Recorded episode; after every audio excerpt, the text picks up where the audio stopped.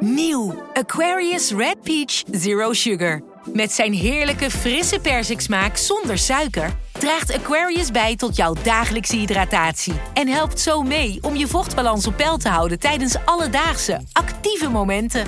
Thuis, op het werk of onderweg. Ook verkrijgbaar in smaken lemon en orange. Probeer hem nu. Een maatschappij waarin iedereen meedoet. Een gezonde, groene en rechtvaardige wereld. Daar willen jij en heel veel andere mensen best iets aan bijdragen. In het klein en in het groot. Dicht bij huis en ver weg. Zo hebben we vorig jaar 349 miljoen euro bij elkaar gebracht. Miljoenen waarmee onze goede doelenpartners de wereld elke dag een beetje beter kunnen maken. Nationale Postcode Loterij. Samen voor een betere wereld.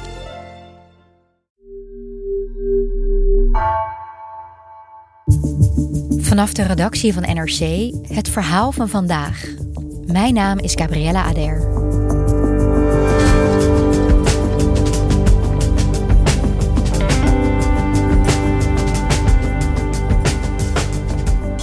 Diefstal, seks en wapenhandel. Net geopenbaarde documenten bieden een onverwachte kijk op het leven van Jozef Luns. Nederlands bekendste staatsman in de jaren 60 en 70. Redacteur Bart Funnekotter dook de archieven in en ontdekte hoe Luns jarenlang in de gaten werd gehouden door de Nederlandse veiligheidsdiensten.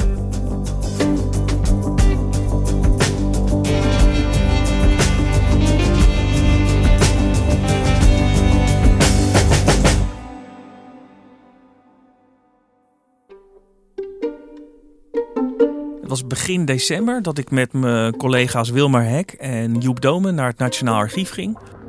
We staan nu in de hal van het uh, Nationaal Archief, bij de, de wand met de kluisjes. Uh, daarin moeten we al onze spullen opbergen, niet alleen jassen en tassen.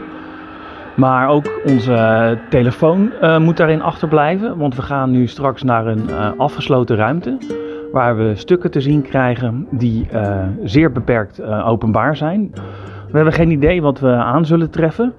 Misschien alleen krantenclipsels, misschien pakken papier van 10 centimeter dik, waarin uh, allerlei uh, geheimen genoteerd staan. We wisten dat er 71.000 dossiers vrijkwamen van mensen die door de Binnenlandse Veiligheidsdienst, de BVD, de voorloper van de huidige inlichtingendienst, de AIVD, in de gaten werden gehouden tussen 1949 en 1995. Ze waren vooral geïnteresseerd in communisten of mensen met anderszins linkse sympathieën. Maar het waren ook mensen van ze verdacht dat ze om andere redenen een gevaar zouden kunnen zijn voor de Nederlandse staatsveiligheid.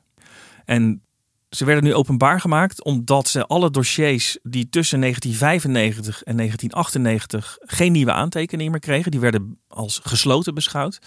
En ja, het is nu eenmaal zo, dat staat in de archiefwet, dat alle overheidsstukken op een gegeven moment in het Nationaal Archief moeten worden gedeponeerd. En dat geldt dus ook voor stukken van de, van de IVD en de BVD.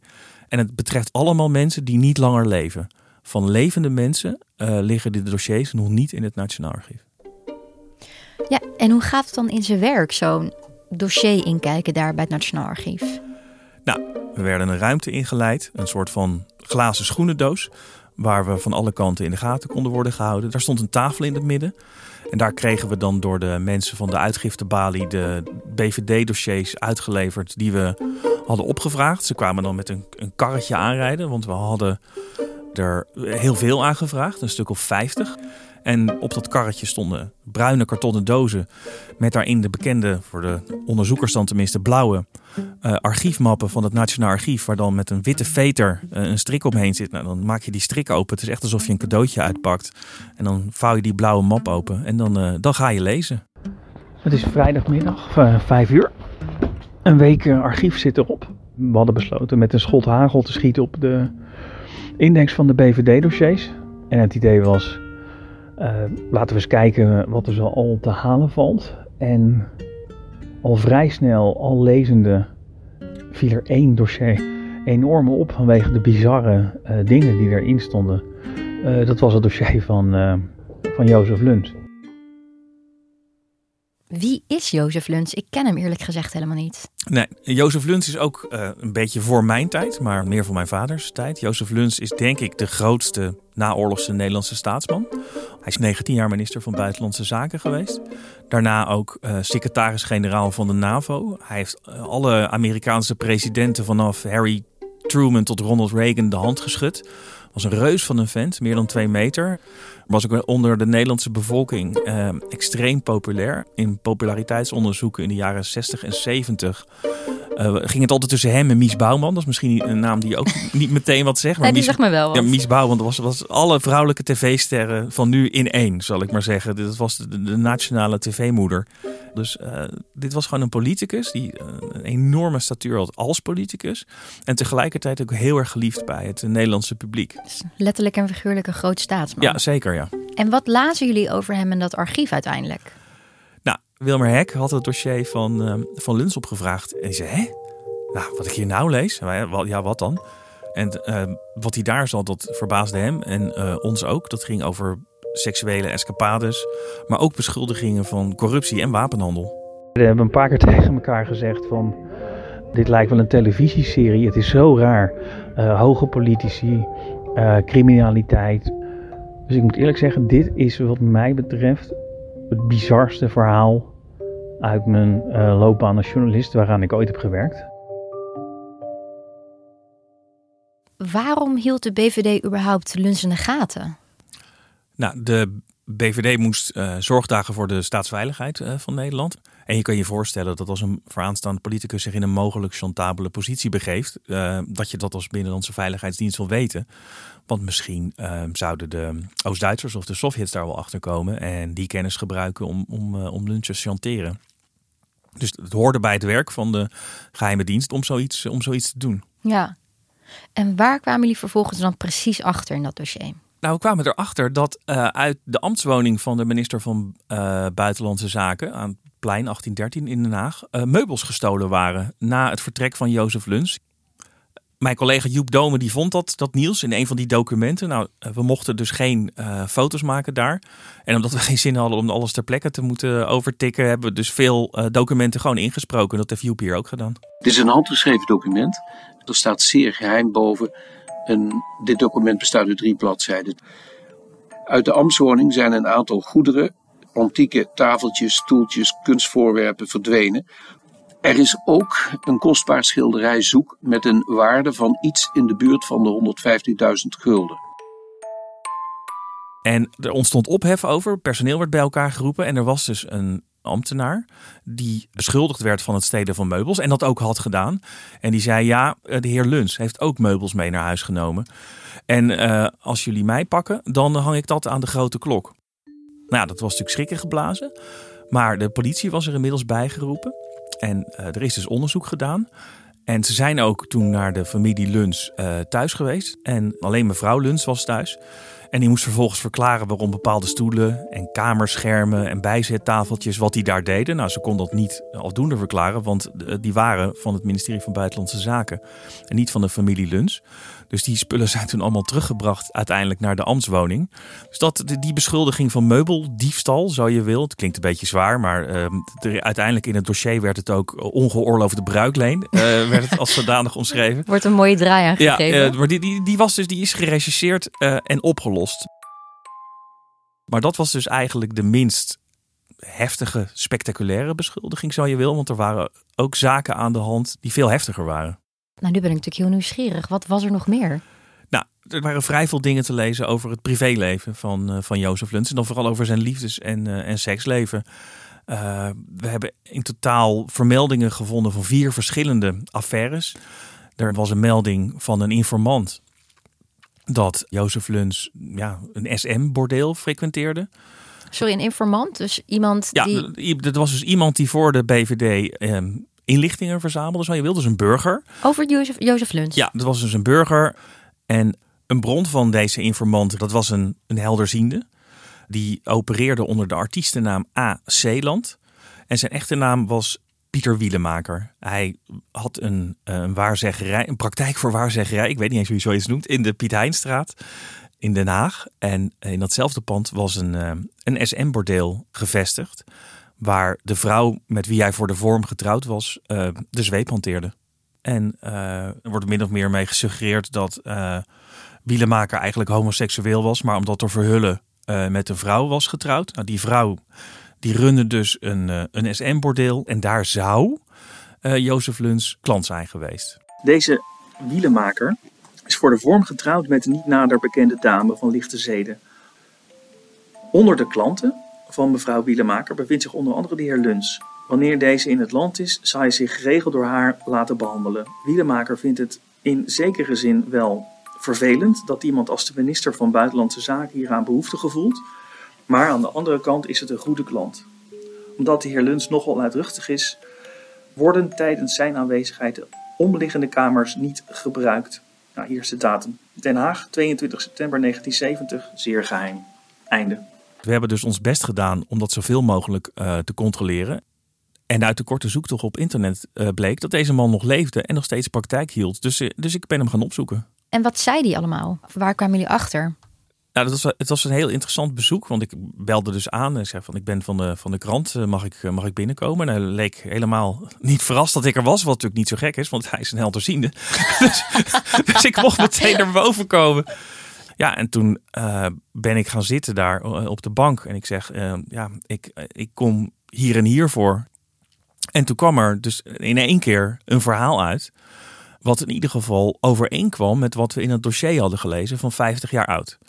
Dan zit je natuurlijk nog steeds met de vraag, was dat de waarheid? Nou, daar is natuurlijk heel moeilijk achter te komen. Maar het was in ieder geval hetzelfde, min of meer hetzelfde verhaal als het dossier van 50 jaar terug. En waarom hield de BVD dit bij? Omdat dit soort zaken hem mogelijk chantabel zouden maken voor uh, bijvoorbeeld voor de druk van buitenlandse inlichtingendiensten.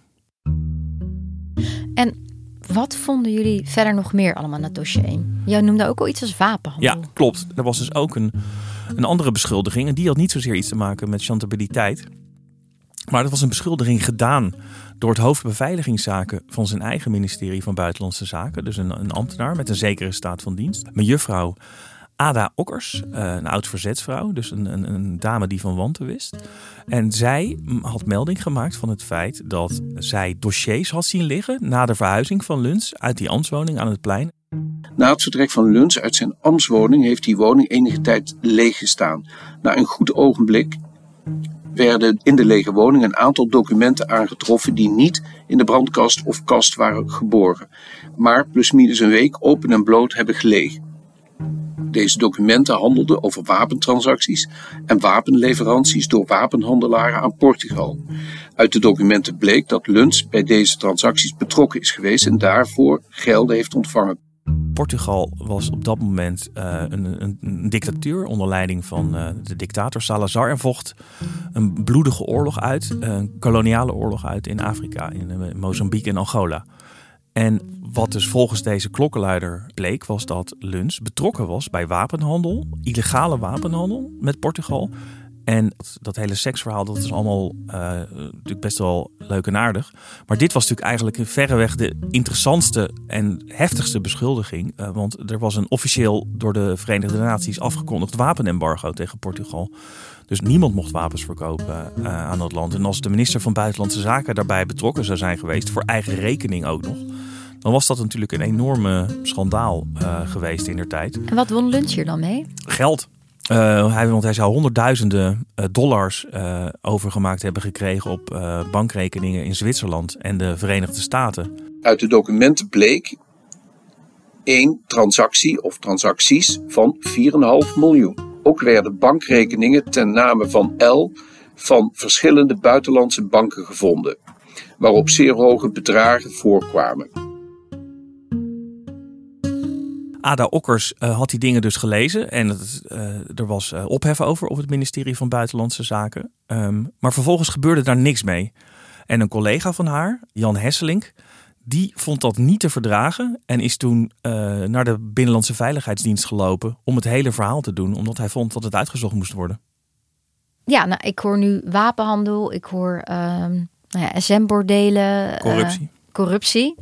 En laten we ook de gestolen meubels niet vergeten. nee. Ja, wat gebeurt uiteindelijk met al die informatie die de BVD verzamelt? Nou, de gestolen meubels, dat is dus tot op de bodem uh, uitgezocht. Uh, die seksuele escapades die zijn genoteerd en eigenlijk nauwelijks uh, uitgezocht. Maar met die beschuldiging van, van wapenhandel en corruptie is wel wat gebeurd. Overigens ook niet volgens de regels, want hier had gewoon aangifte van moeten worden gedaan. En dan had de politie zich erover moeten buigen. Maar omdat dus die uh, Jan Hesselink naar de Binnenlandse Veiligheidsdienst uh, gelopen was, heeft dus het hoofd van de Binnenlandse Veiligheidsdienst, dus de, zeg maar zeggen de topspion van Nederland, en dat was toen Andries Kuipers, uh, heeft het onderzoek zelf op zich genomen. Hij is naar die ambtswoning in gegaan, het plein 1813. Heeft daar met mejuffrouw Ada Okkers rondgelopen. En heeft gezegd, nou laat die bewijzen nou eens zien. Waar zijn die papieren waaruit blijkt dat uh, uh, Jozef Luns betrokken was bij wapenhandel en daar geld voor heeft gekregen? Mevrouw Okkers zoeken. En wat bleek, precies die dossiers waren er niet meer. Typisch. Ja. En zij zelf dacht van dat iemand ze had verwijderd om schoon schip te maken heel snel.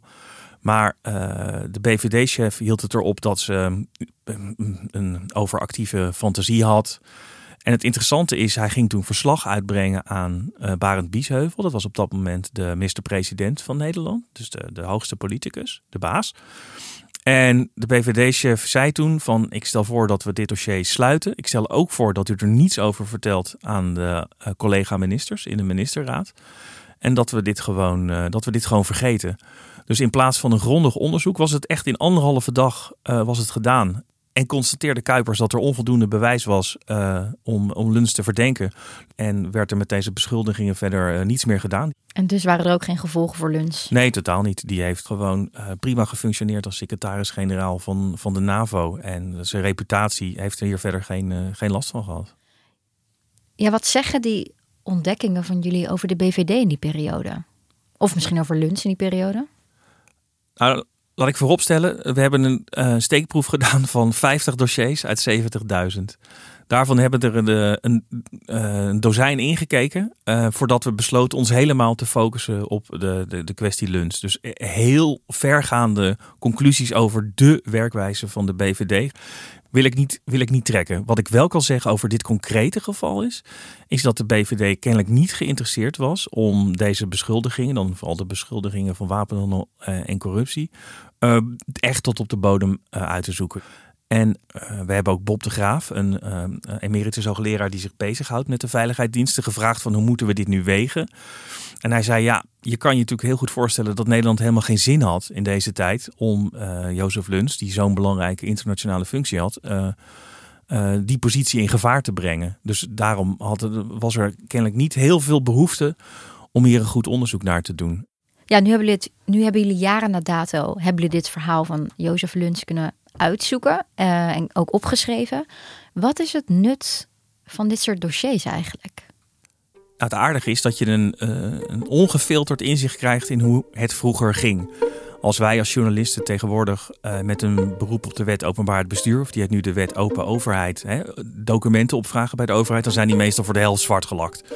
Uh, dus dan, ja, je hebt er wel wat aan, maar niet heel veel. Maar die dingen die in het uh, documenten die in het archief liggen, die zijn gewoon helemaal te lezen zoals ze toen zijn. Niks zwart gelakt. Niks zwart gelakt en gewoon alles zit erin. Van handgeschreven kattenbelletjes tot uh, uitgebreide, uitgetikte rapporten. Alles zit erin. En dat geeft je dus de kans om uh, de geschiedenis te reconstrueren. Ja, dan kan je natuurlijk zeggen, wat maakt het nou uit uh, wat er 50 jaar geleden gebeurde. Maar daar kan ik, daar kan ik als historicus natuurlijk niet, uh, daar kan ik niet zoveel mee. Want ik denk dat het wel belangrijk is, want het is, blijft interessant om erachter te halen hoe de macht functioneert. En de macht functioneerde 50 jaar geleden dus op een bepaalde manier. De macht functioneert nu ook nog steeds. En misschien dat we door naar het verleden te kijken toch wel iets leren over hoe zoiets werkt. Dus daarom denk ik dat het openbaar maken van dit soort overheidsarchieven belangrijk is. En het aardige is dus dat het Nationaal Archief heeft op elke eerste dinsdag uh, van het jaar, en dat is, dat is dus vandaag, dat noemen ze Openbaarheidsdag. En alle stukken die dan uh, ik maar zeggen, waar de geheimhouding vanaf gaat, zijn vanaf dat moment uh, voor iedereen die dat wil, voor elke burger van Nederland, uh, zijn die in te zien. En dat kunnen dus gaan om notulen van het, van kabinetsberaad. Die worden na 25 jaar vrijgegeven. Maar er zitten ook dingen bij van de Tweede Wereldoorlog. Dingen die met landverraad en spionage te maken te hebben. Die, daar zit 75 jaar op. En ik ga daar dus elk jaar heen. Er zit altijd toch wel iets interessants tussen wat je toch een inzicht geeft in hoe de overheid werkt en hoe mensen zijn. Ja, en dan wil ik natuurlijk weten, wat verwacht je vandaag te vinden? Ja, dat is mooi. Ik heb geen idee. Dat is eigenlijk precies hetzelfde als toen we daar naar binnen liepen voor die BVD-dossiers. Uh, het kan van alles zijn, het kan niks zijn. Uh, ik, Ik heb breed aangevraagd, dus dingen over politiek, die niet zo lang geleden gebeurd zijn, maar ook dingen uit de Tweede Wereldoorlog, dingen uit de Koude Oorlog. Ja, en je, je, maakt een beetje een gok op basis van de naam van zo'n dossierstuk. Dan denk je, nou hier zou wel iets, iets interessants in kunnen zitten. Ik heb bijvoorbeeld een document aangevraagd dat te maken heeft met de goudschat die tijdens de Tweede Wereldoorlog begraven zou zijn uh, geweest. Nou, ik ben benieuwd uh, wat, wat ik aantref. Het zal vast een teleurstelling worden, want anders was die wel al lang een keer opgegraven. Maar ik ben toch benieuwd om dan te lezen wat voor informatie daarover verzameld is. Dus ja, ik heb iets van een dozijn uh, dossiers opgevraagd. En dan, dan maar hopen dat er iets leuks tussen zit. Ja, nou, volgens mij ben je nog lang niet klaar. Uh, nee, zeker niet. Okay, super bedankt. Graag gedaan.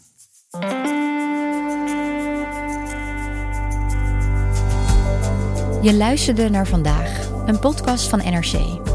Eén verhaal, elke dag. Deze aflevering werd gemaakt door Nina van Hattem, Ignaas Schoot en Ruben Pest. Dit was vandaag, morgen weer.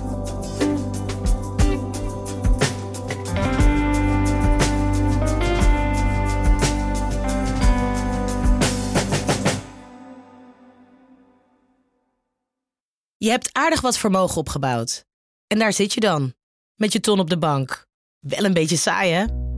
Wil jij, als belegger, onderdeel zijn van het verleden of van de toekomst?